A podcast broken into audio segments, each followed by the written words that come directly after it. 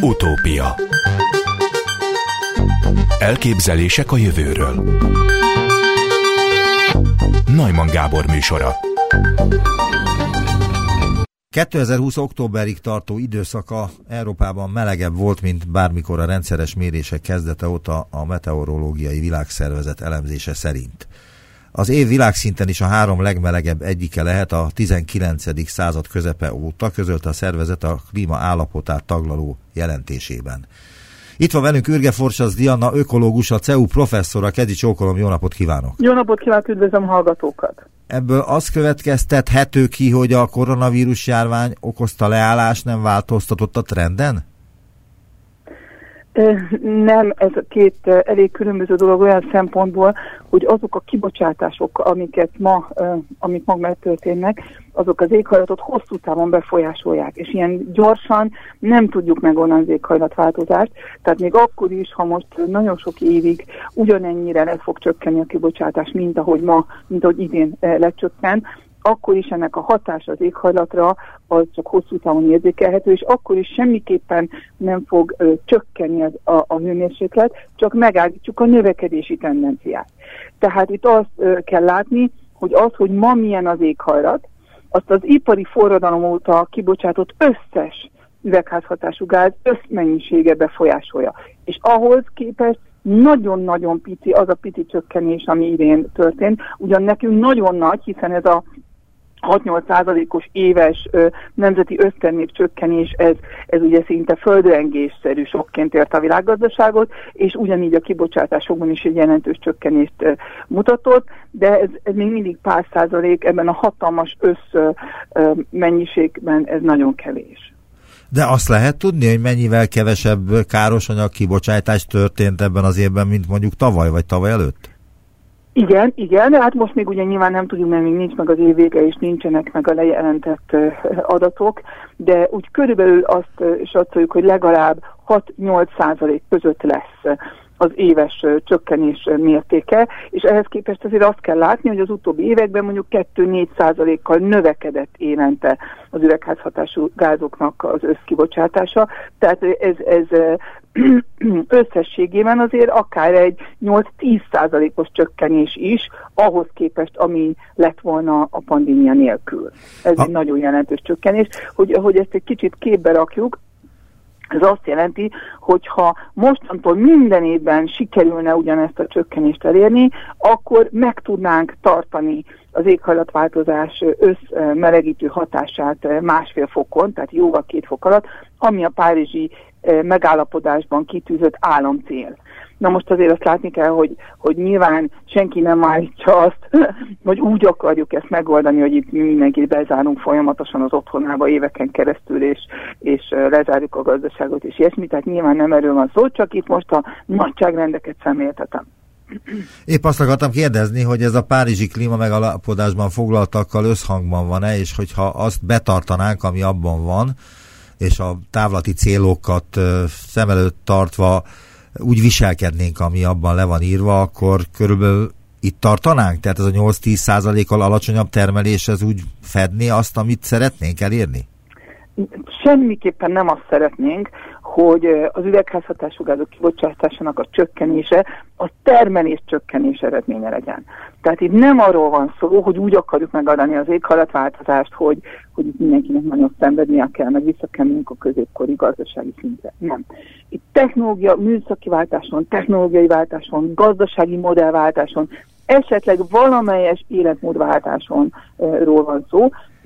Hogyha életmódváltásról beszélünk, akkor tisztázzuk, hogy miről van szó, mert szintén mondom nem arról, hogy itt, itt, itt feladnunk kellene, meg, meg szenvednünk, meg rákényszerülünk valami rosszabb dologra, hanem olyanra, hogy például csak egészségesebb étkezésre áttérni, tehát például minden országban, ha tényleg csak annyi húst fogyasztanánk, amit a, az egészséges táplálkozás által előírt mennyiség, azzal már rettenetesen sokat tudnánk tenni eh, az éghajlatváltozás eh, érdekében körülbelül akár 20%-kal is le tudnánk csökkenteni a kibocsátásokat. Ha például az élelmiszer hulladékunkat, ami jelenleg, a jelenleg általában megtermelt élelmiszernek a harmada a kukában landol, így vagy úgy, vagy amúgy különböző az élelmiszertermelő folyamat különböző fázisaival, hogyha ezt le tudnánk csak felezni, tehát nem is az, hogy nullálni, csak felezni, már akkor is nagyon jelentősen segítenénk a, a kibocsátásokon.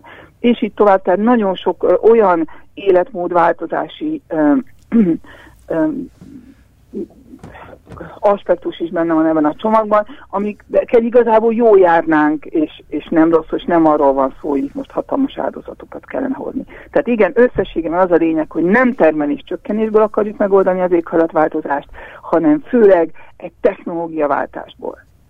Mi a helyzet a tengerszint emelkedéssel? Mennyire gyorsult be a grönlandi, illetve az antarktiszi gletszerek olvadása következtében? Hát sajnos a, a, a jégolvadás az nagyon felgyorsult, és bizony ez volt az egyik oka, hogy a kormányközi éghajlamitvédelmi testület az uh, egy évvel ezelőtt kiadta a külön jelentését pontosan a tengerek, az, az óceánokról és a világ uh, jégszférájának az állapotáról, amiben megállapította, hogy sajnos minden eddiginél, minden eddiginél gondoltnál gyorsabban történik az olvadás és a tenger szintjének az emelkedése, mert ugye a tenger szintjének az emelkedése az nem csak a jégolvadásból következik, hanem hanem például a hőtágulásból is, sőt azt tudjuk, hogy az északi sarki olvadása az önmagában nem emeli a tengerek szintjét, hiszen ha egy pohár vízben van egy jégkocka és az elolvad, az egyáltalán nem növeli meg a víznek a szintjét. Itt a szárazföldeken nevű jég megolvadása az, ami növeli a, a tengerszintjét. Sajnos azt látjuk, hogy bizony e, ez a folyamat nagyon erősen beindult, és e, erősen halad is előre, és amennyiben e, nem változtatunk nagyon jelentősen, és az évszázad végére tényleg bekövetkezik az a mondjuk 3-4 fokos tengerszint, 4 fokos hőmérsékletemelkedés, ami most azért bizony elég valószínűnek tűnik, akkor az ha földtörténetű mutat nézzük, ahhoz ö, abból következtetve egy kb. akár 10 méteres tengerszint növekedést is okozhatna. Na most, ha belegondolunk, hogy 10 méter azért igen jelentős, ha mondjuk aki járt Velentében, vagy akár Floridában, vagy New York ö, városban, ö, vagy, hát, vagy akár csak mondjuk Bangladesre gondolunk, vagy akár hasonló területeken, vagy, vagy, vagy csak belegondolunk, hogy akár ha tengerpartra menjünk, akkor milyen sok ingatlan van a tengerpartokon, amik mind kukába kerülnének 10 méter tengerszint emelkedéstől, azért ez egy nagyon jelentős probléma. És azt kell látni, hogy amennyire, ha még ma befejezzük az összes kibocsátást, ha többet egy molekula üvegházhatású gátja bocsátunk ki, a tengerszint emelkedése sajnos még évszázadokig folytatódna.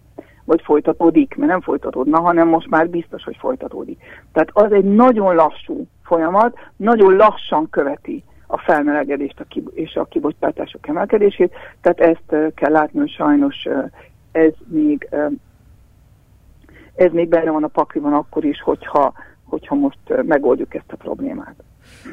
Nem tudom, hogy az előbbihez tartozik-e, ami a felmelegedésről szólt az első kérdésem kapcsán, hogy a négy európai kutatási szervezet közös projektje a Climate Action Tracker friss elemzése azt sugalja, hogy a század végére sikerülhet 2,1 Celsius fokban korlátozni a globális hőmérséklet emelkedést.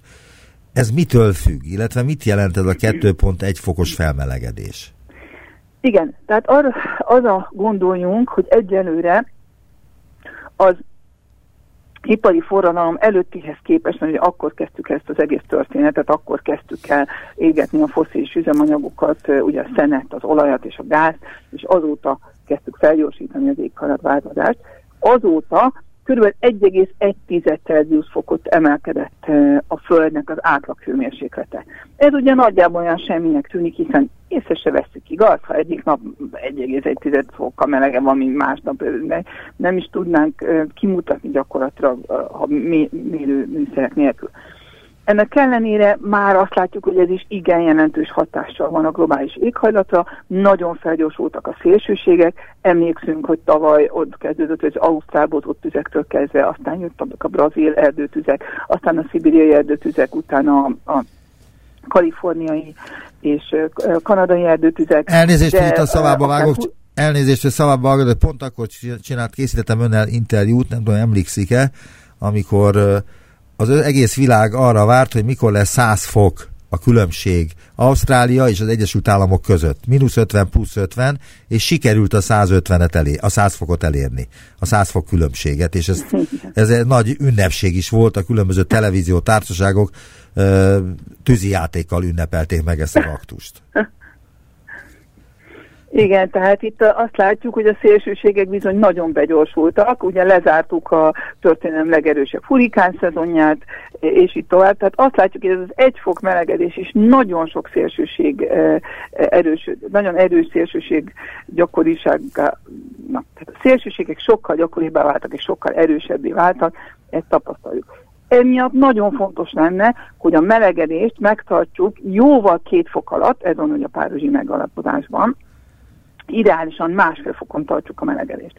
Ehhez képest a párizsi megállapodásban ugye ki van tűzve ez a politikai cél, de a párizsi megállapodásban az ország, az egyes országok által vállalt saját vállalásoknak az összegét, ha összeadjuk, és megnézzük, hogy az mind megtörténik és megvalósul, akkor körül mennyire tud le, lecsökkenni a kibocsátás, és hol tartja az éghajlatváltozást, akkor sajnos még egy pár hónappal ezelőtt azt mondta, hogy bizony ha azt mindenki nagyon ügyesen meg is csinálja, még akkor is egy olyan 3-4 fokot, 3-4-5 fokot fog melegedni az éghajlat az évszázad végéig. Ehhez képest nagyon sok minden történt 2020-ban, tehát én azt gondolom, hogy a 2020 egy ugyanolyan hasonló kegyelmi év volt, mint a 2015, ha nem is történt ilyen különösebb újabb nagy megállapodás, mint a Párizsi megállapodás, viszont ami az utolsó pár hónapban történt, hogy szinte dominó-szerűen vállalták be a nagy kibocsátók, és az, azok az, az ázsiai kibocsátók, akikről egyáltalán nem ismertünk feltételezni, hogy, hogy ö, valamit lépni fognak, ezek egyre inkább vállalt, egyre többen vállalták be a klímasemlegességi célokat. Valamint e, e, ennek a megkoronázásaképpen jót még ugye az amerikai elnökválasztás, aminek az eredménye az, hogy az USA vissza fog lépni a Párizsi megállapodásba, és ez e, azt jelenti, hogy e, ugye azt is tudjuk, hogy ők valószínűleg akkor szintén klímasemlegességet fognak vállalni. Na most, ha ezeket a vállalásokat összeadjuk, hogyha ez mindenki nagyon ügyesen megvalósítja ezeket a célokat, akkor tényleg annyira le fognak csökkenni a kibocsátások, hogy összességében elvileg nem fog többet melegedni az éghajlat, mint 2,1 Celsius fokot. Azért nem szabad ezt ennyire pontosan uh, készpénznek venni, hiszen egyre több az új tudományos bizonytalanság azzal kapcsolatban, hogy a kibocsátásoknak egy bizonyos növekedés az pontosan mekkora éghajlatváltozást eredményez. Nagy a tudósok között is a, a vita, meg a bizonytalanság. Tehát én azt mondom, hogy ezt azért egy körülbelüli értéknek kell mindenképpen venni. Minden esetre a jó hír, és ez a lényeg, amit elmondott, hogy amennyiben az új vállalásokat tényleg mindenki megcsinálja, és például az Európa Unió is ezt a meg, kőbe tudja vésni, például az 55%-os csökkentést, akkor e, tényleg egy viszonylag emberi e, mértéken tudnánk tartani a globális felmelegedést.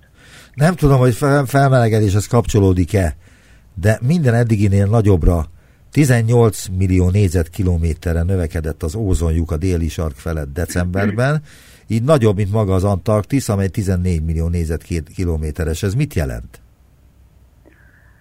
Hát bizony ez nem jó hír, hiszen úgy gondoltuk, hogy ez az az egyik nagy környezeti probléma, amit sikeresen megoldott a világ. Nem sok van, amire azt mondtuk volna, hogy kipipálhatjuk, és tényleg ügyesen a világ népessége összefogott, és megoldottuk, és, és kiradírozhatjuk azt a problémát ha csak nem mondjuk a városok rótrágya szennyezettsége, amit nem a világ oldott meg, hanem egyszerűen tovább mentünk technológiából.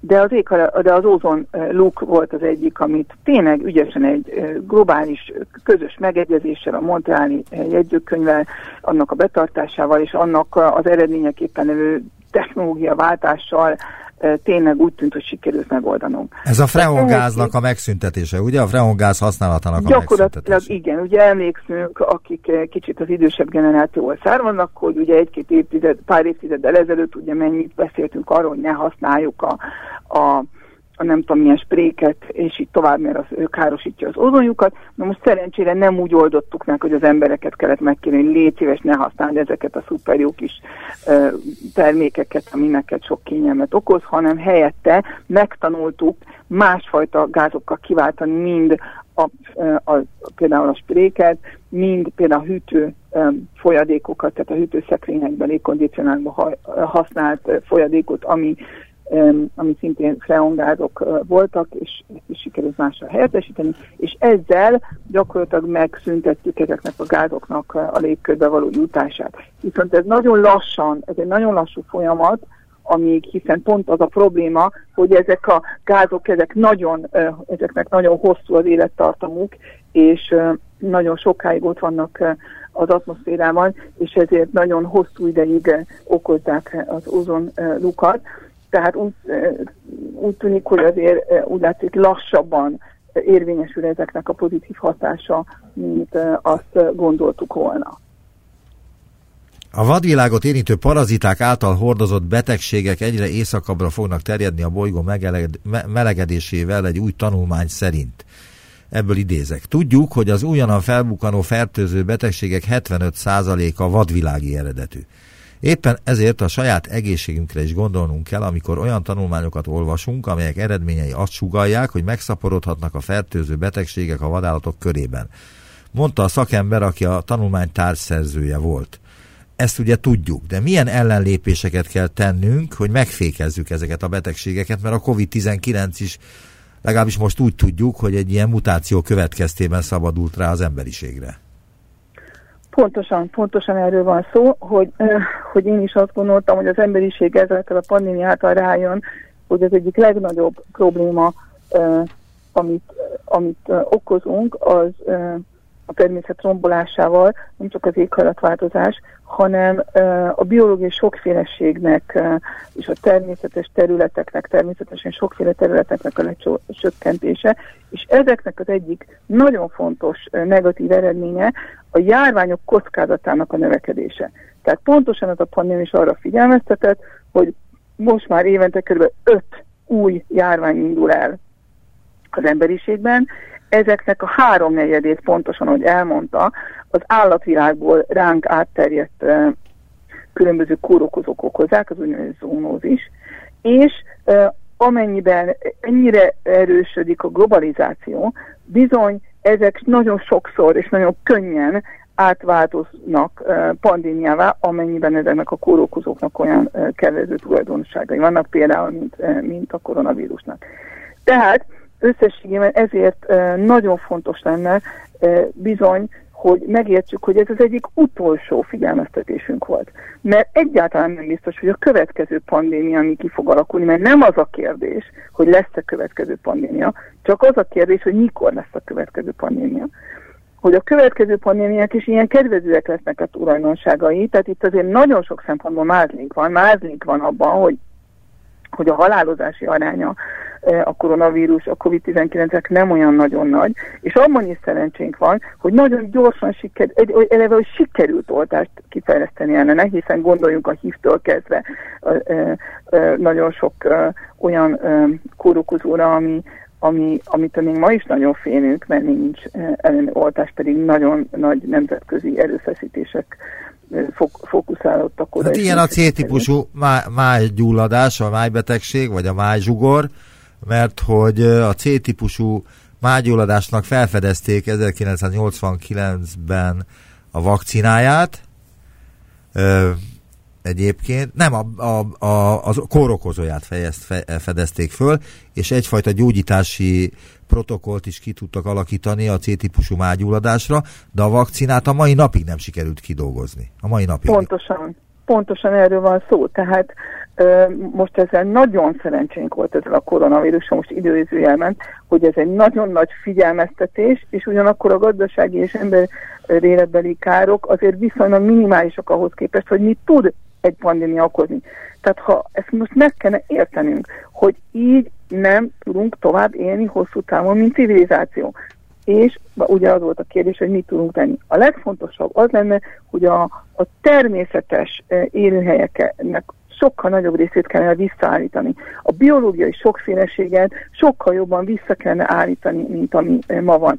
Tehát az, az a tény, az egy nagyon sokkoló számok, hogyha belegondolunk abba, hogy a ma a földön élő, szárazföldön élő gerinceseknek kétharmada haszonállat, egyharmada az ember, és csupán egyetlen egy százaléka, egyetlen egy százaléka a természetes élőhelyeken élő természetes gerinces állatvilág.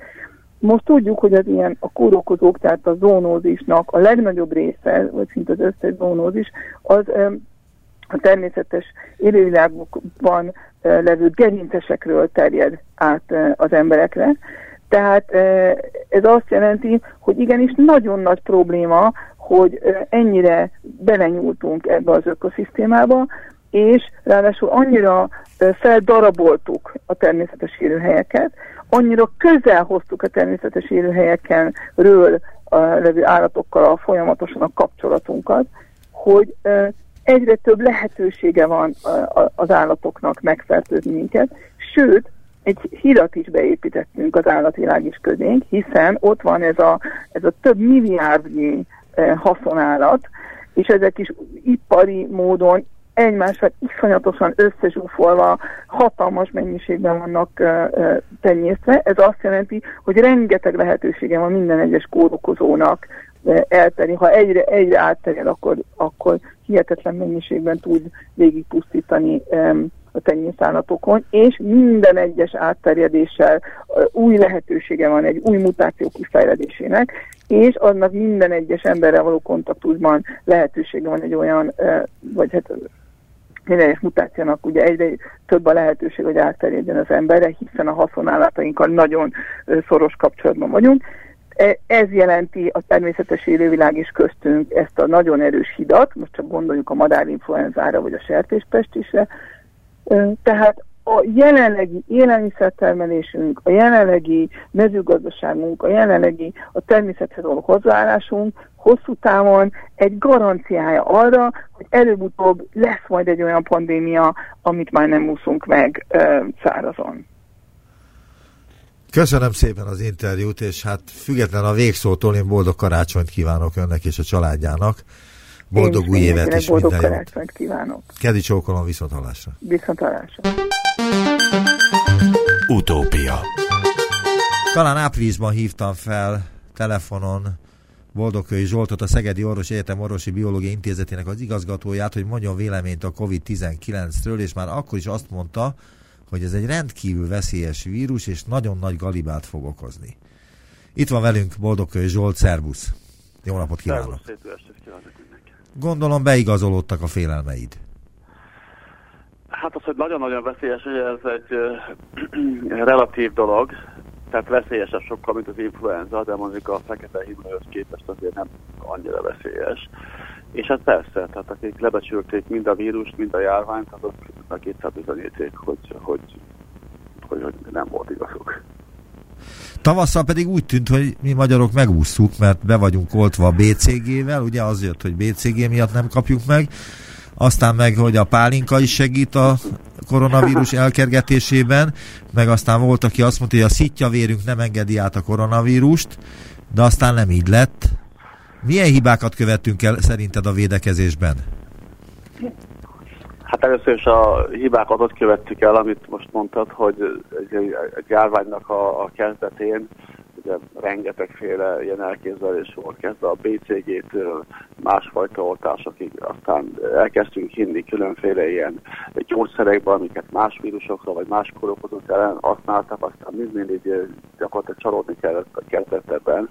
Tavasszal az volt a szerencsék, én azt gondolom, hogy a vírus már későn érkezett el hozzánk, tehát igazából már tavasz elején jött ide, és azért ez nem olyan, mint a, az influenza vírus, hogy, hogy, tavasszal eltűnik, nyáron nincs jelen lényegében.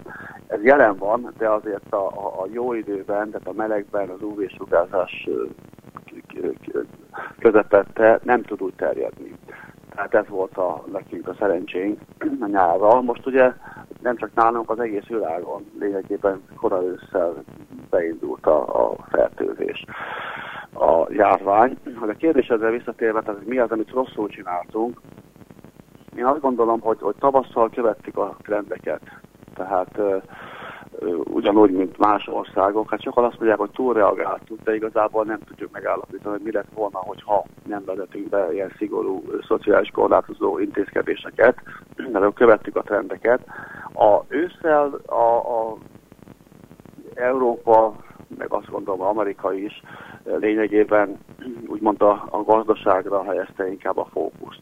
De megjegyzem itt, még mielőtt is spekulálnánk, hogy itt nagyon gyakran úgy állítják szembe, hogy, hogy életeket szemben a gazdasággal, és akkor valahova helyezik a hangsúlyt.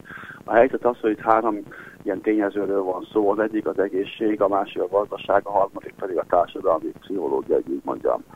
Főleg az első kettő az, az nagyon összefügg egymással. Tehát nyilván, hogyha rövid távon bevezetünk valami nagyon szigorú korlátozásokat, mint például most London, vagy Észak-Anglia, vagy Németország, akkor az rövid távon mindenképpen a, hogy mondjam, az egészség szempontjából az egy, az egy jó intézkedés, viszont hosszú távon, hogyha a gazdaság ebben ugye belerokkan, akkor meg ez visszahat majd az egészségre, és a munkanélkül munkanélküliségre, stb. stb.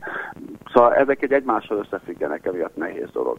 Ami Magyarországot illeti, hát ugye most mi vagyunk itt talán a legkevésbé védekező ország, azt mondanám is, tehát igazából a, a népesség arányosan a halálozások száma, számában elsők vagy másodikok vagyunk itt az utóbbi napokban.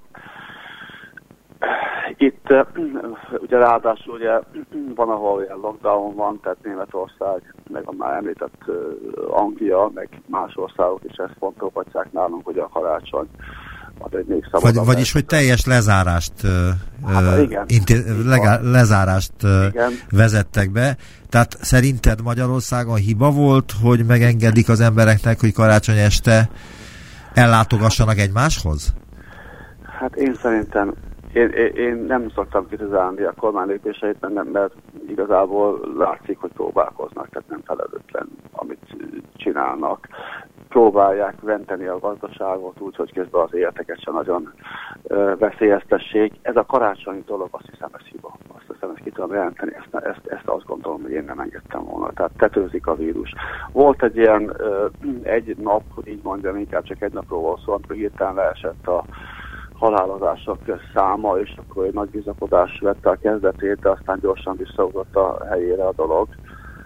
Hát, tehát bevezettünk mi is korlátozásokat, így viszonylag jelentősebb késéssel itt a környező országokhoz képest, és most már ezt lehet, hogy mondjam, analizálni, tehát a Szlovákia, Csehország például, hogy hamarabb bevezették az intézkedéseket.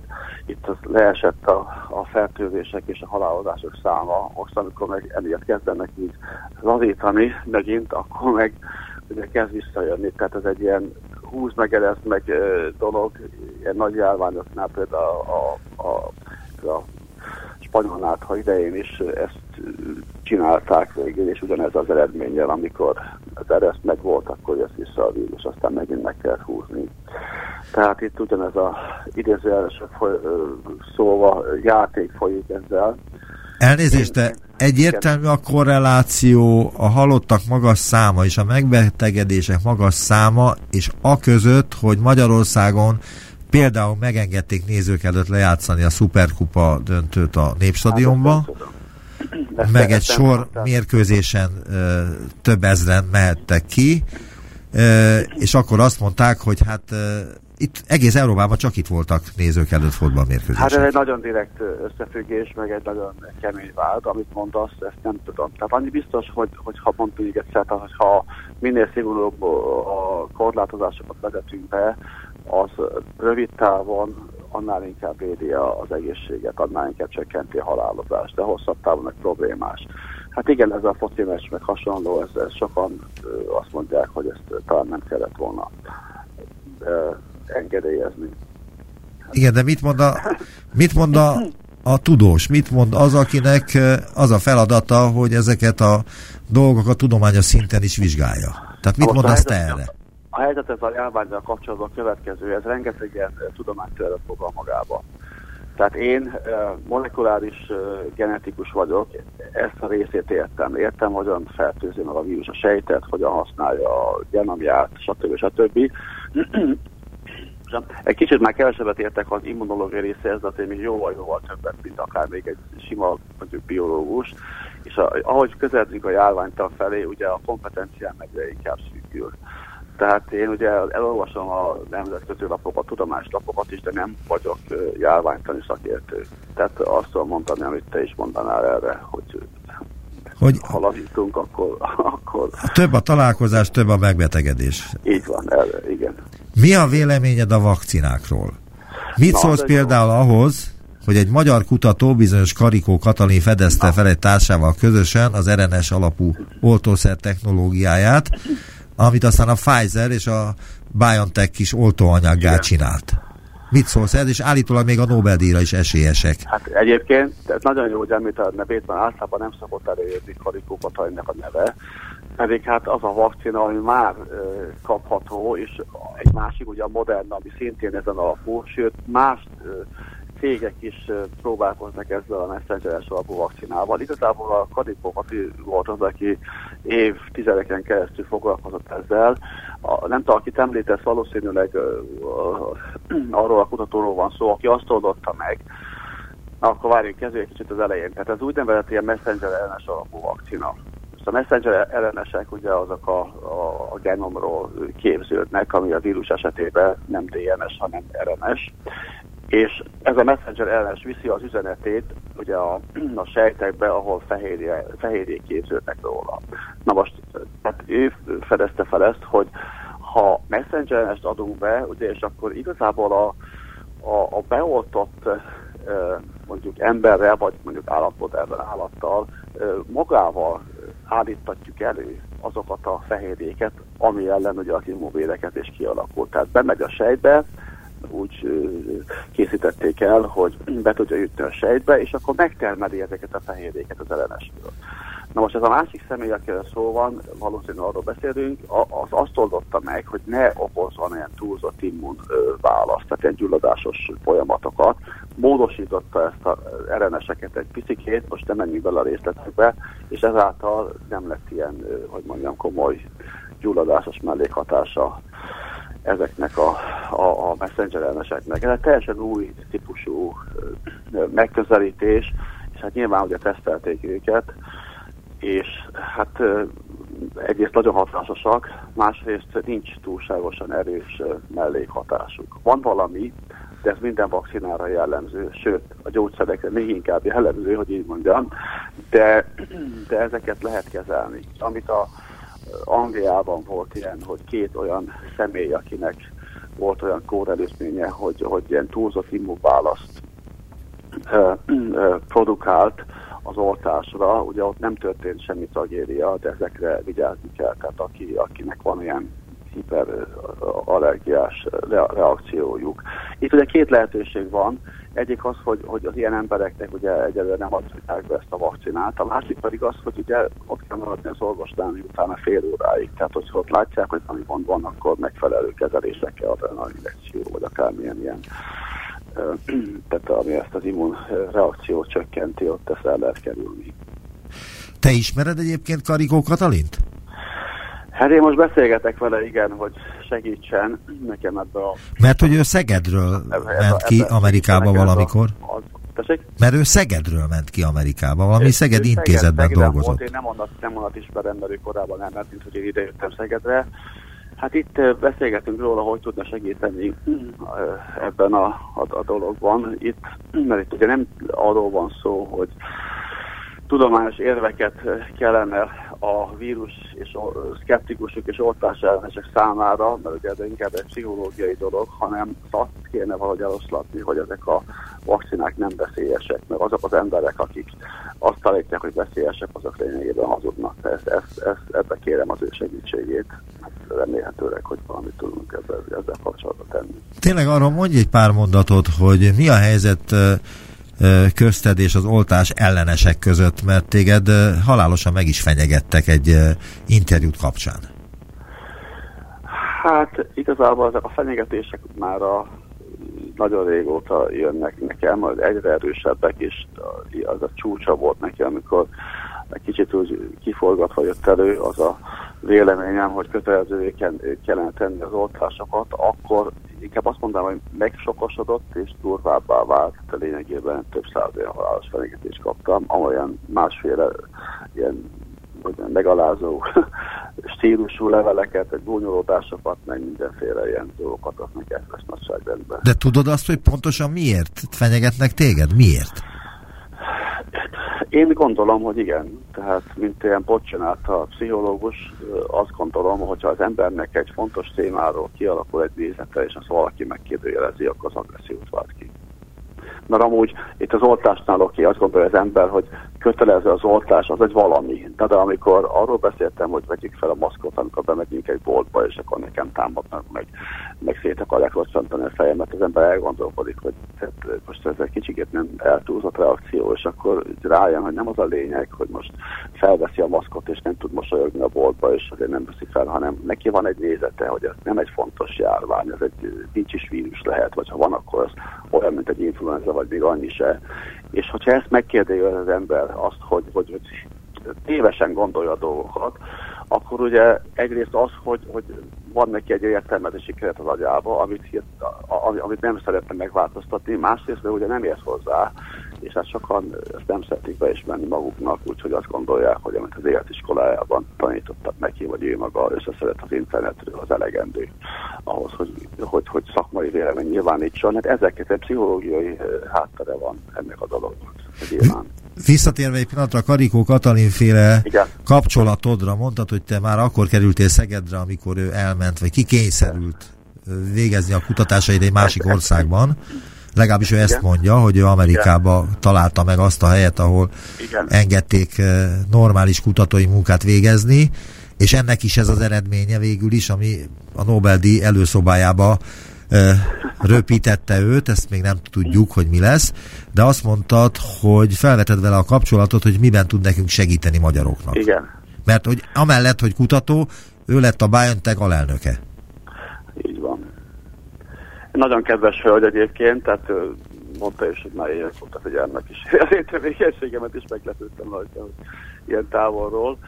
És Hát igen, neki, igen, az első riportjaiban keserűen szólt arról, hogyan eljött Szegedről annak idején, nem ismerték fel a benne rejlő, hogy mondjam, tehetséget, és hát én a nem akarok ezzel kapcsolatban beszélni, de, az, de nálunk ugye az egy, azt gondolom, hogy egy fő probléma az, hogy valahogy a Nobel-díjak nem ide-haza születnek. Valahogy a teljesítményt azt gondolom idehaza nem értékeljük.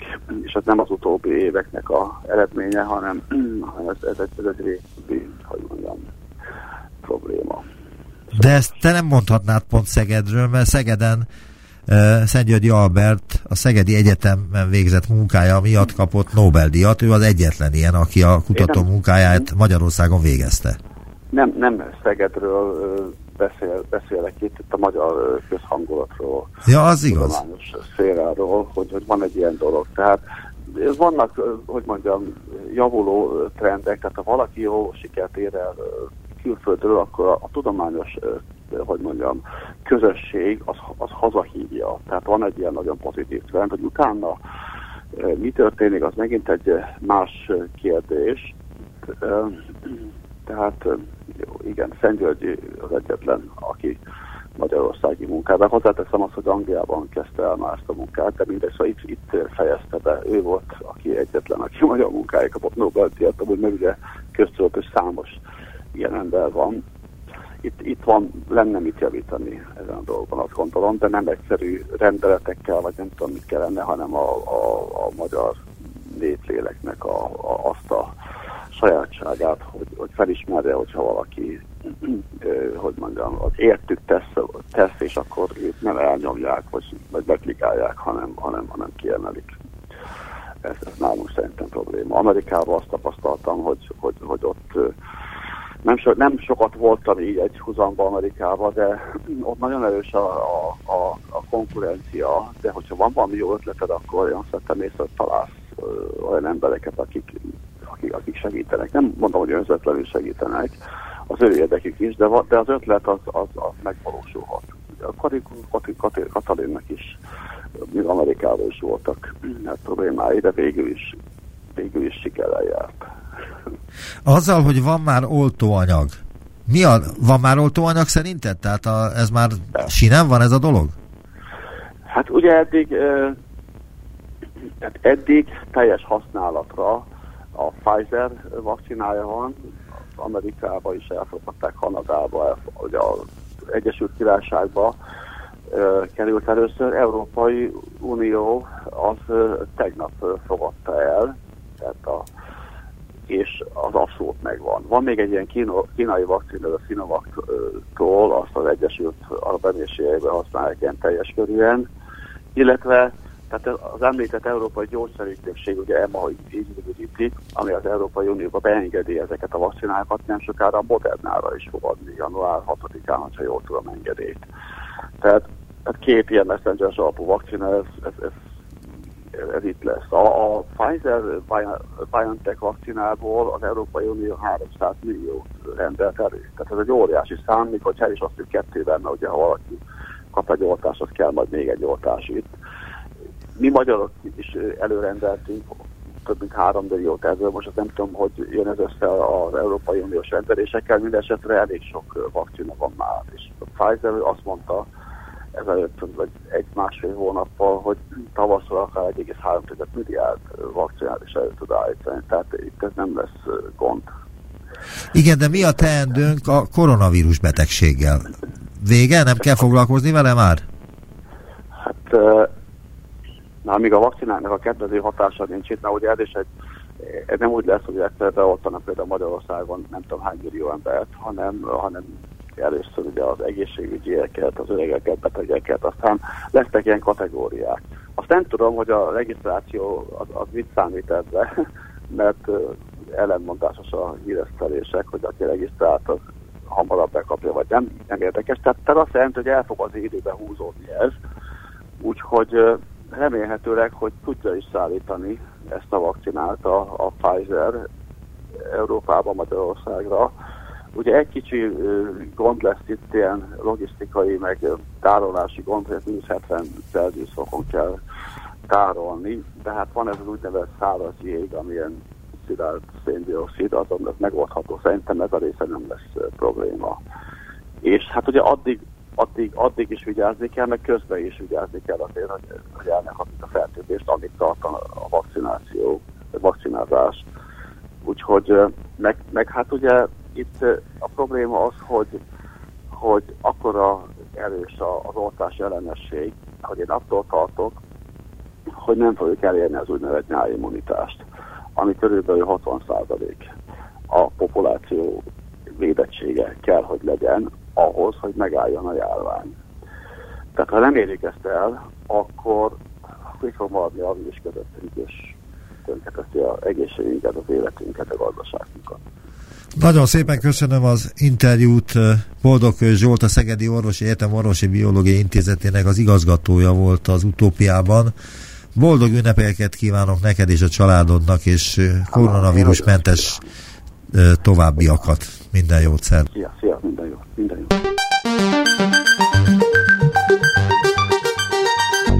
Visszaértünk a jelenbe.